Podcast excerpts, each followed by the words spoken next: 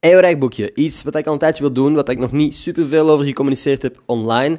Misschien één keer in een video. Niet misschien. Ik heb er één keer over gecommuniceerd in een video. Is een soort surprise crate maken. Een surprise crate. En misschien een paar.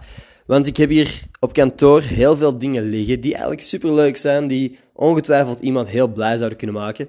Maar omdat ik hier zoveel rommel heb liggen. En met rommel bedoel ik gewoon leuke dingen, prulletjes kan ik niet constant met alles bezig zijn. En eerder dan dat ik ze hier gewoon ergens laat liggen, is het veel leuker om iemand anders er blij mee te maken, denk ik dan. Dus wat ik graag wil doen, is een soort doos maken, één of twee, met allemaal spullen die je dan kunt kopen. En hopelijk zijn mensen er blij mee.